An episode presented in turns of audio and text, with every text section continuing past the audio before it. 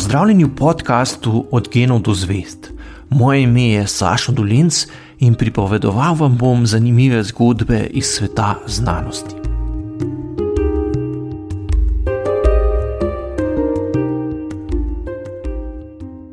Ko uporabimo katerega od izrazov, kot so algoritem, dolomit in pasterizacija, se le redko kdaj zamislimo, kdo so bili v resnici ljudje, katerih imena so postala splošni strokovni pojmi. Podobno se s fizikalnim zakonom in konstanto, ki se imenuje po fiziku Jožefu Štefanu, med študijem srečajo številni študenti naravoslovja in tehnike vendar tudi med njihovimi profesorji ni veliko takih, ki o raziskovalcu, ki je za časa svojega življenja veljal za enega najpomembnejših znanstvenikov avstrijskega cesarstva, znajo povedati kaj več kot le to, kako mu je bilo ime. Jožef Štefan se je revnima, nepismenima in neporočenima staršema rodil 24. marca 1835 v Svetem Petru pri Celovcu. Mati Marija Startini, ki je bila ob sinovem rojstvu stara vsega 19 let in je delala kot sluškinja, oče Aleš Štefan pa je bil mlinarski pomočnik. Čeprav je bil Jože že v mladosti zelo nadarjen za učenje, je moral za očeta prenašati težke vreče z moko, zato je imel kasneje v življenju eno ramo malo povešeno. Po štiriletni osnovni šoli je želel izobraževanje nadaljevati na gimnaziji, a so mu bila vrata šole kot nezakonskemu otroku sprva zaprta. Oče si je k sreči s časoma dovolj gmotno opomogel, da je lahko odprl svojo pekarno v celovcu, kar je staršema omogočilo, da sta se leta 1844 poročila in sinu olajšala nadaljevanje izobraževanja. Dokler sta bila mama in oče živa, se je Jože vsako poletje za dlje časa vračal na Koroško, hodil po okoliških hribih in veliko energije namenil temu, da je starša učil pisati in brati. Po burnem letu 1848 so v državi izvedli reformo šolstva, pri kateri so kot samostojen učni predmet uvedli slovenščino. Ta je postala za slovenske učence obvezna, za nemške pa je bila na voljo kot izbirni predmet. Med prvimi učenci slovenščine je bil prav Jože, ki je izobraževanje končal z zelo dobro opisno oceno. Takole je o njem zapisal učitelj. Rojen slovenec obiskuje tečaj tretje leto, popolnoma točno znanje literature, okusno pismeno oblikovanje, združeno s pohvalnim razumevanjem ilirščine in staroslovenščine. Jožef Štefan se je na Dunajsko univerzo upisal jeseni 1853. Že v gimnaziji so ga zelo zanimale naravoslovne vede in ker se pri pouku ni naučil dovolj, je veliko prebiral strokovne knjige. Med študijem na univerzi je spoznal še, da ga navdušuje raziskovalno delo v laboratoriju. Po diplomi leta 1857 je sprva poučeval fiziko študente farmacije, hkrati pa učil dijake na realki. Za Štefanovo znanstveno kariero po študiju na Dunaju je bilo izjemno pomembno predavanje, ki ga je imel decembra leta 1857 na Dunajski akademiji. Med poslušalci je bil namreč profesor fiziologije in pomemben dunajski znanstvenik Karl Ludvik, ki ga je Štefanovo delo navdušilo. Ko je izvedel, da se mlad znanstvenik težko preživlja s poučevanjem in da nima dostopa do laboratorija, mu je ponudil zaposlitev na Inštitutu za fiziologijo Univerze na Dunaju, ki ga je vodil. Po predavanju je Štefan v svoj dnevnik zapisal: Zna biti pojde od tega dne z menoj boljše. Obrazi se mi bolj prijazni kažejo, vendar pa Bog ve, ali bo kaj pomagalo. Vsi me vabijo, da bi delal z njimi, a še nobeden mi ni rekel, da bi jedel z njim. Čeprav je bilo delo na Fiziološkem inštitutu naslednja leta zanj pomemben vir sredstev za preživljanje, si je vseeno želel zaposlitev, ki bi bila bolj povezana s fiziko. Po spletu okoliščin je že zelo hitro ponovno dobil možnost, da se izkaže. Januarja 1863 je postal najmlajši redni profesor v državi, zaradi prezgodnje smrti enega od raziskovalcev pa se je odprlo še mesto na Fizikalnem inštitutu Dunajske univerze. Dve leti kasneje se je direktor Fizikalnega inštituta upokojil in Štefan je prevzel njegovo mesto.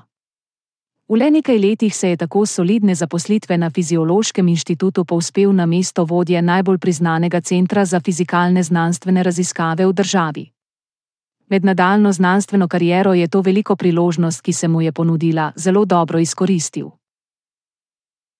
Štefan je na Dunajski univerzi opravljal različne upravne funkcije, med drugim je bil med letoma 1869 in 1870 dekan filozofske fakultete, med letoma 1876 in 1877 pa rektor univerze. Bil je tudi tajnik in podpredsednik Avstrijske akademije znanosti.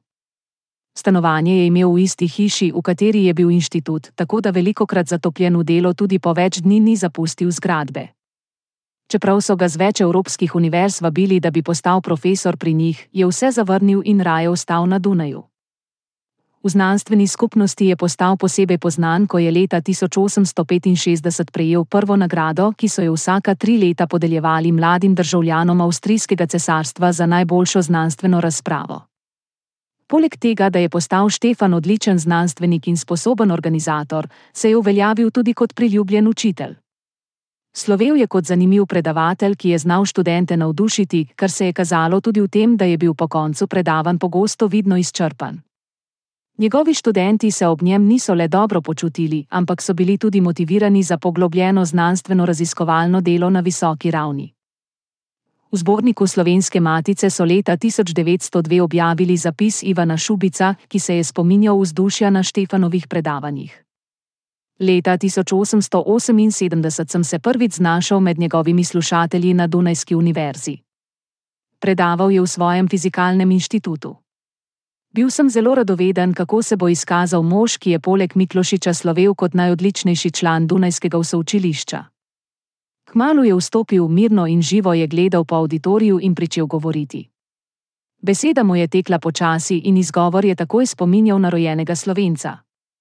Glas mu je bil srednje krepek in močno simpatičen.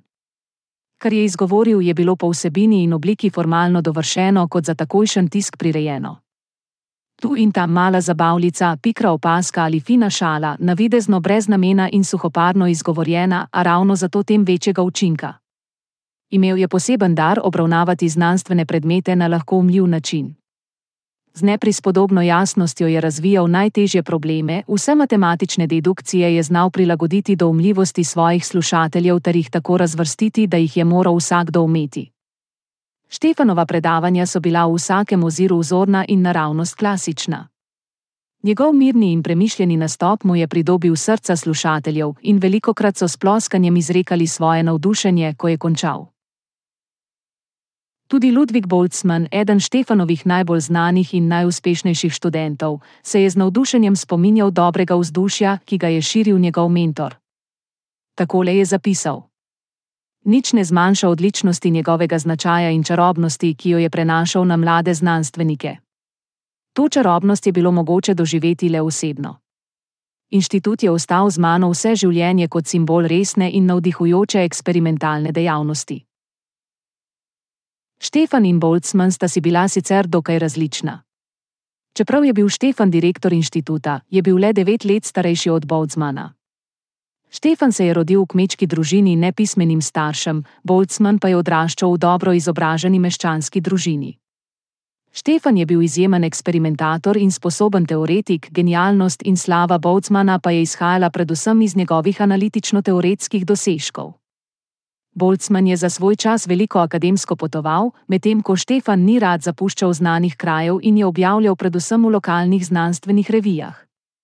Štefan je celotno akademsko kariero preživel na Dunajski univerzi, Boltzmann pa je svoj akademski uspeh izkoristil za gostovanja na univerzah po vsej Evropi.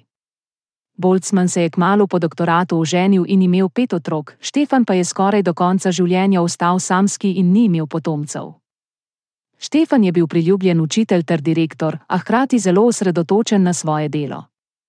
Delu je bil predan tako zelo, da je imel malo prijateljev in skoraj nič družabnega življenja. Boltzmann je po drugi strani užival v druženju, a hkrati ni bil prav spreten pri navezovanju novih znanstev, saj je njihov v razpoloženju.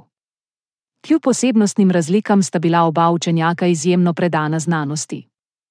Boltzmann je svojega učitelja po smrti opisal z naslednjimi besedami: uporabljal je urodja napredne matematike in znal najtežje probleme predstaviti v najbolj jasni in razumljivi obliki, ne da bi se mu bilo treba zatekati k matematičnemu formalizmu. Nikoli ni skušal poudarjati svoje mentalne superiornosti. Name je naredil globok vtis njegov iskriv humor, ki je tudi najtežjo razpravo spremenil v zabavno igro za študenta. Jožefa je raziskovalna radovednost ponesla na številna področja fizike. Eden od njegovih najpomembnejših dosežkov je bila prva natančna meritev toplotne prevodnosti plinov. Leta 1872 mu je uspelo z napravo, ki jo je sam izdelal, kot prvemu izmeriti toplotno prevodnost zraka. Leta 1879 je na osnovi meritev angleškega kolega izpeljal zakon o sevanju črnega telesa, s pomočjo katerega je lahko med drugim ocenil temperaturo površine Sonca. Ker je Boltzmann pet let kasneje isti zakon še teoretično izpeljal, se zdaj imenuje Štefan Boltzmannov zakon, konstanta v enačbi pa Štefan Boltzmannova konstanta. Gre za edini fizikalni zakon, ki ima ime po kakem slovencu. Manj znano kot raziskave toplote je njegovo delo na področju elektrotehnike, ki je v drugi polovici 19. stoletja vzbudila veliko svetovno znanstveno in tehnično zanimanje ter vse bolj prodirala v vsakdanje življenje. Ker se je uveljavil tudi kot odličen elektroinženir, so ga imenovali za predsednika Tehnično-znanstvene komisije za mednarodno elektrotehnično razstavo na Dunaju leta 1883. Njegovo delo je pomembno vplivalo tudi na začetek vzpostavitve standardov na področju elektrotehnike v Avstrijskem cesarstvu. Leta 1891, pri 56 letih, je Štefan končal svoje dolgoletno samsko življenje in se poročil z Marijo Numan, vdovo po inšpektorju državne železnice na Koroškem. Po poroki je postal ponovno bolj vesel, žal pa novo prijetno družinsko življenje, ki so ga bogatili tudi obiski ženinih vnukov, ni trajalo dolgo. Približno leto po poroki ga je 18. decembra 1892 zadela možganska kap, po kateri si ni več opomogel. Do tragedije je prišlo med obiskom najboljšega prijatelja na Dunaju. Ko se je odpravljal domov, ga leva noga ni hotela ubogati, se je ni mogel več dvigniti. Zaradi neobogljivega dela telesa se je sprva še šalil, nato pa se je zgrudil po tleh. Ohromelost zaradi kapi je naslednje tedne napredovala, tako da je Jožef Štefan 7. januarja 1893, star manj kot 60 let, umrl.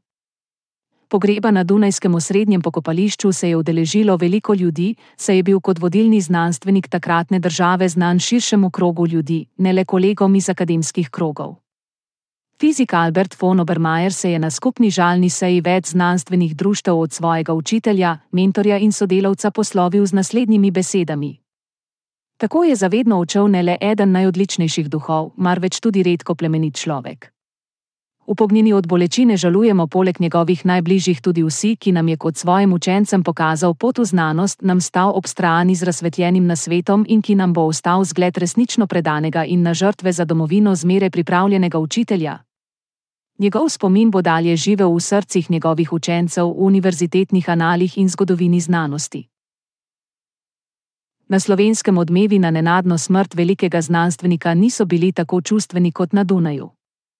Neznan pisec je v časopisu Slovenski narod takole povzel delo in vpliv velikega fizika slovenskega rodu. V svoji mladosti je bil umrli dr. Štefan Unet narodnjak, a ko se je zaglobil v svoja znanstvena preiskovanja in se užival v tuje nemške razmere, se je sčasoma prelevil v kozmopolitičnega učenjaka. Zlasti, ker naših narodnih težanj ni poznal in jih ni umel.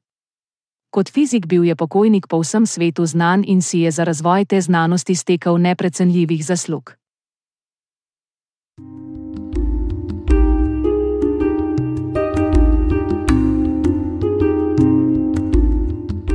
To je bil podcast Od genov do zvest. Moje ime je Saša Dolence in z novo zgodbo se vam oglasim že k malu.